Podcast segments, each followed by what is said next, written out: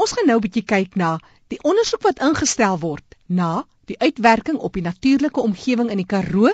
Dis nou indien hidroliese breking om skaliegas te ontgin wel toegestaan word.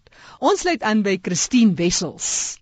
Vir vandag se Rissipit bydra op Ekoforum gesels ek met Marina Lou van Earth Life Africa, 'n nuwensgewende organisasie en drukgroep vir omgewingsregte.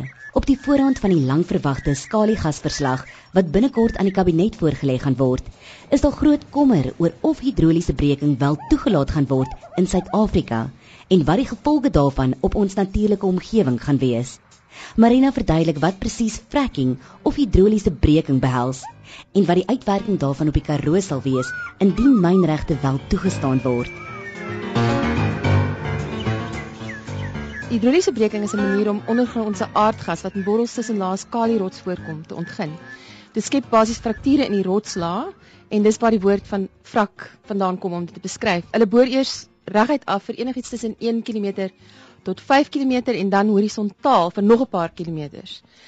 Um groot hoeveelhede water, dit is tot 20 miljoen liters per boorgat stimulasie word onder groot druk in die boorgat afgespuit om die gasdraande rots te breek en die gas vry te stel. Nou net om vir jou 'n idee te gee, een so 'n uh, operasie gebruik soveel water as wat die hele dop van Graafry net in 3 dae gebruik. Dit is enorm, 'n enorme hoeveelhede. Maar saam met die water word baie fyn sand en 'n mengsel van chemikalieë in die boorgat gespuit. Baie van hierdie chemikalieë waarvan ons wel weet, is uiters toksies en kankerwekkend soos benseen, tolueen, etielbenseen, xyleen, etileenglikol, dieselbrandstof, naftaleenverbindings, boorsuur, arseen, formaldehied en verskeie sure en plaagdoders. En dit word alles dus dan onder die grond, onder die Karoo ingepomp. Dit is reg. En dit die die, die mengsel, die vragmengsel bestaan uit 90% water, 9% sand en 1% chemikalieë.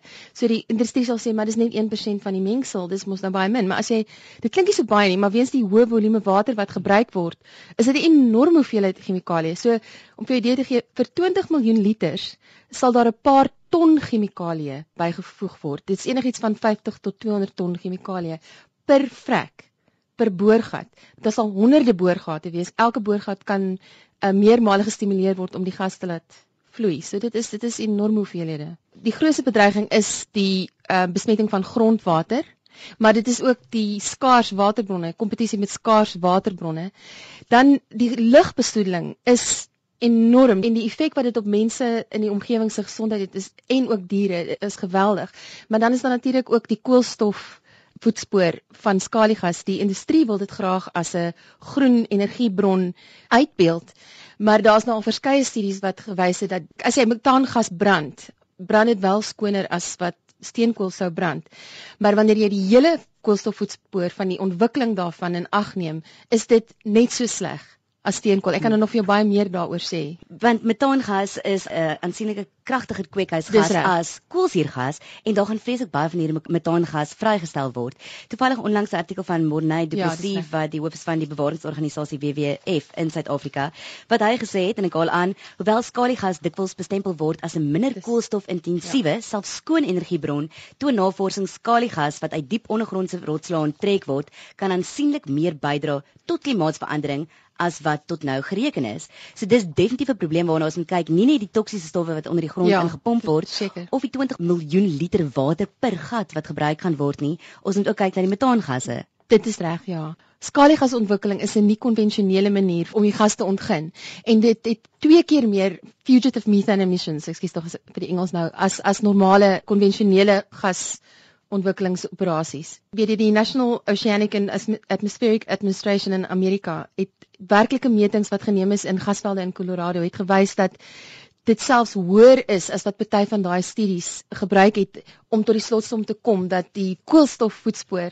van skaliegas selfs so hoog soos steenkool kan wees. Ek weet die industrie probeer skaliegas as 'n skoner fossielbrandstof kenmerk, weet as 'n as 'n oorbruggings sogenaamde oorbruggingsstof. Maar die realiteit is dit sal 'n brug wees tot 'n wêreld waarin ons nie sal kan bestaan nie. Want selfs die internasionale energieagentskap wat basies pro-industrie is, het genoem dat grootskaalse afhanklikheid van skaliegas teen 2035 nog steeds sal lei tot 'n 3.5 grade verwarming. Met ander woorde, katastrofiese onomkeerbare klimaatsverandering. Fatih Birol, die hoof-ekonoom van die um, internasionale energieagentskap, het ook gewaarsku dat skaliegas die ontwikkeling van hernubare bronne van energie sal belemmer. Binne die volgende dekade moet ons geweldige veranderings maak om te keer dat dat ehm um, weghol klimaatsverandering gebeur. Katastrofiese effekte vir die Karoo, maar vir wêreldwye klimaatsverandering ook. En dan word ook genoem dat dit is 'n korttermyn oplossing want dit gaan net in ons energiebehoeftes kan voorsien vir 'n paar jaar. Dis so reg. Ja, want want met want, want skaliegas is ook 'n 'n fossiel brandstof, so iets wat gaan opraak. Ja, so dit gaan opraak. As ons gou kyk na hidroliese breking en spesifiek die ontginning van skaliegas, word dit elders anders in die wêreld al gedoen? Ja, op groot skaal in Amerika, maar ook in ehm um, Australië. Maar wat ook interessant is, is wêreldwyd is daar besig om 'n um, geweldige teenkanting op te wel teen skaalgasontwikkelinge. Soos 'n hele paar lande het dit nou al verbied, soos Frankryk, Bulgarië. Ehm um, Vermont in Amerika die eerste staat onlangs geword wat dit heeltemal verbied het. Maar daar is ook in meer as 140 plekke wêreldwyd, soos streke, dorpe wat daar een of ander vorm van 'n moratorium of uh, jy weet of 'n verbod op skaalgasontginning is. Interessant genoeg het Engeland onlangs besluit dat hulle nie sal voortgaan daarmee nie en Duitsland het dit het dit ook verwerp. Nou as ons kyk na die gas en oliebedryf, ek weet Morne Du Plessis het ook genoem in sy artikel wat hy gesê het onsigbare aandeelhouers. So ons weet nie regtig wie agter dit sit nie.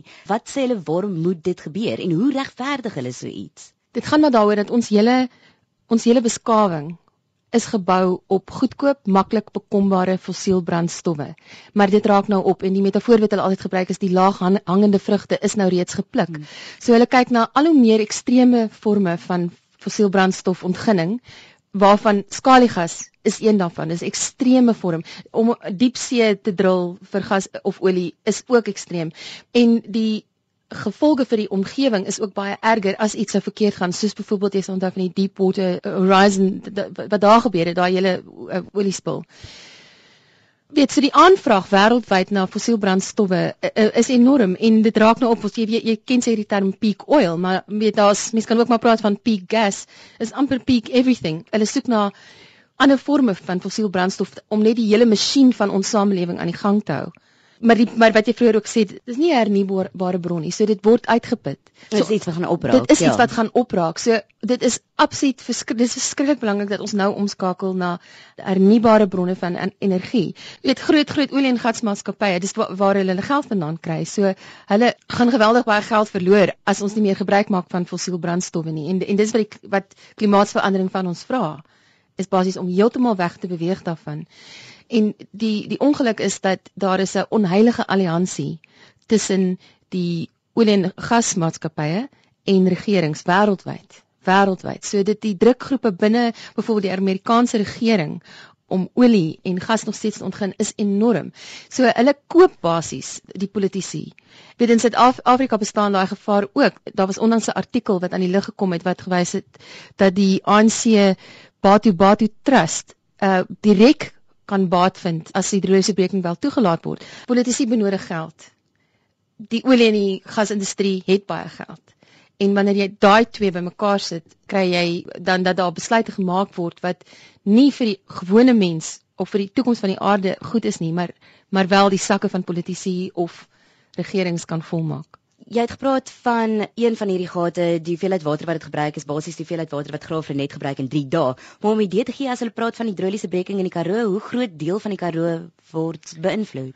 Wel die deel in die Karoo waarna gekyk word vir moontlike hidroliese breking beslaan 52% van die groter Karoo basin. Om vir jou 'n idee te gee, dit is 20% van Suid-Afrika se se oppervlak. Dit is 'n enorme deel. Dit strek tot by die Drakensberge is daar dele weet dit is dis 'n enorme um oppervlak. Daar is 32 gasboorgate op 'n enkele wellpad. En daar's 10 well wellpads in 'n enkele gasontwikkeling. En hulle beoog baie sulke ontwikkelings in Suid-Afrika. Elke gasboorgat kan meermale gevrak word.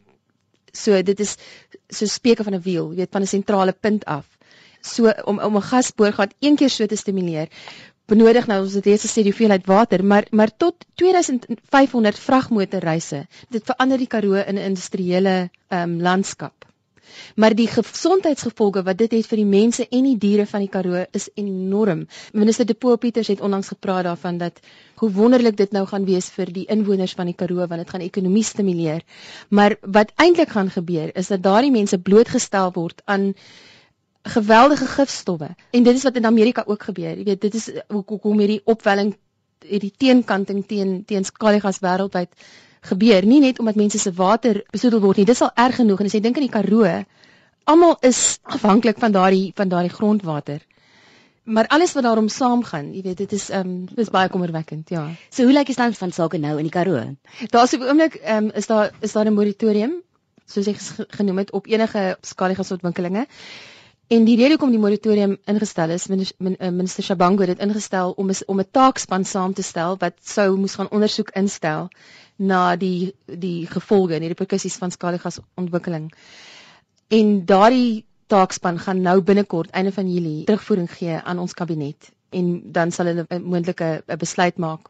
Maar intussen was daar nou baie ander interessante verwikkelinge. Byvoorbeeld Suid-Afrika het die ehm um, square kilometer ry gewen en skaligas en uh, die square kilometer ry kan net nie saam bestaan nie en minister uh, Naledi Pandor het ook gesê dat fracking nie mag inmeng met hierdie ontwikkeling nie en dit dit dit, dit bestaan 'n redelike groot deel van Shell se dis 'n area waar waarvoor hulle aansoek gedoen het. Shell se area alleen is 90000 vierkante meter waarvoor hulle aansoek gedoen het. Die ander aspek wat wat ons nog nie oor gepraat het nie, maar wat ek net vir jou wil noem, dit was nou die groot nuus geweest natuurlik so week gelede. Professor Gerrit van Tonder van die Grondwater Instituut aan die Universiteit van Vryheid. Hy was eers 'n groot voorstander van die tegnologie totdat hy en sy doktorale student Fanie de Lange onlangs 'n studie um, oor die Karoo se ondergrondse geologiese struktuur voltooi het, sê hy daar is 'n 100% kans dat fracking wel die grondwater in die Karoo sal besmet. Die rede daarvoor is dat die grondwater in die Karoo boontoe vloei. Kyk nie al die water kom uit nie. 'n Groot gedeelte bly ondergrond saam met die toksiese chemikalieë en natuurlik die radioaktiwiteit wat natuurlik voorkom in die aarde meng dan ook met daai water. Maar daai toksiese water kan uiteindelik saam met die grondwater migreer na die boonste akwifers.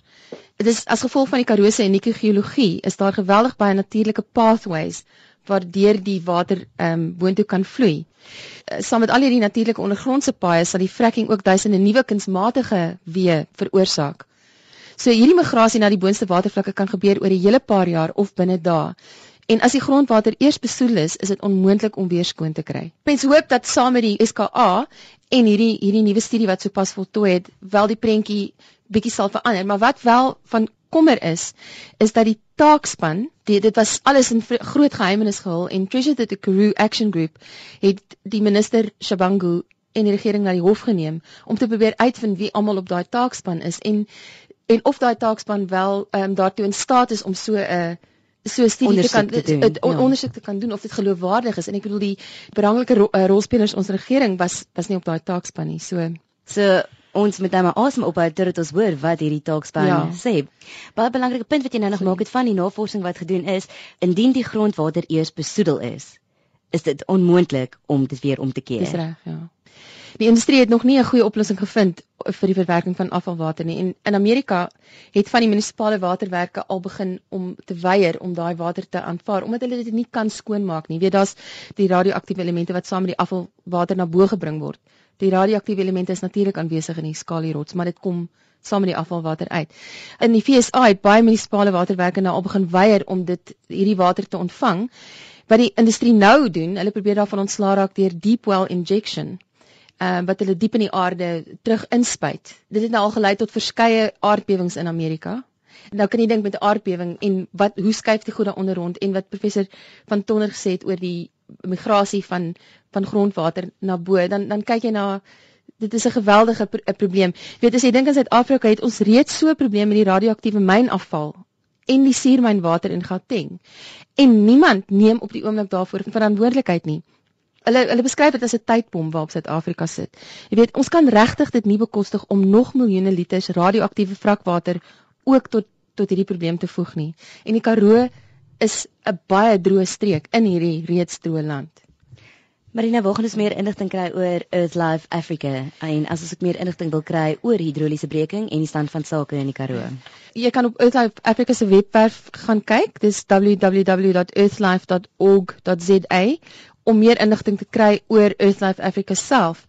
Um oor hidroliese breking is daar verskeie groepe op Facebook wat elke dag uh, artikels, studies van oor reg oor die hele wêreld post. Dit is um, onder andere onder die causes bladsy stop hydraulic fracturing in the Karoo. Maar as jy as jy net gaan kyk, daar's daar's geweldig baie artikels beskikbaar aanlyn waar mens meer kan uitvind oor hidroliese breking en ook die stand van sake in Suid-Afrika en dan natuurlik ook die Treasure Karoo Action Group se webwerf.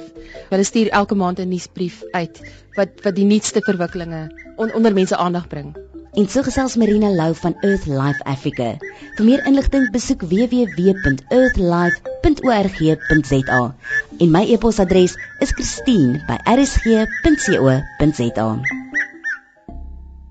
Christine Wessels, aanbieder van ons Rissipit bydra op Ekoforum wat gesels het met Marina Lou van die omgewingsregte drukgroep Earth Life Africa oor die lang verwagte skaliegasverslag wat binnekort gaan bepaal of skaliegas eksplorasieregte in die Karoo toegestaan gaan word.